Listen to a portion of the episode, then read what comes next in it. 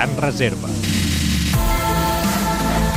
Avui fa 3 anys que Rafael Nadal es va convertir en el primer tenista de la història que guanyava 7 títols al Roland Garros. It's a double fault. Would you believe it? Nadal is the one to write history. El manacorí va guanyar el número 1 del món, Novak Djokovic, en una final que es va allargar dos dies a causa de la pluja. El setè títol de Nadal era també l'11è Grand Slam. Igualava així el suec George Borg en nombre de victòries importants després de Roger Federer, Pete Sampras i Roy Emerson.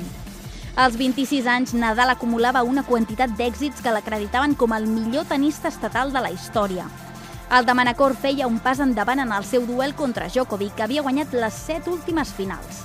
I tornava a triomfar en el seu territori, la terra batuda, com ja ho havia fet aquell any a Monte Carlo, a Roma i a París.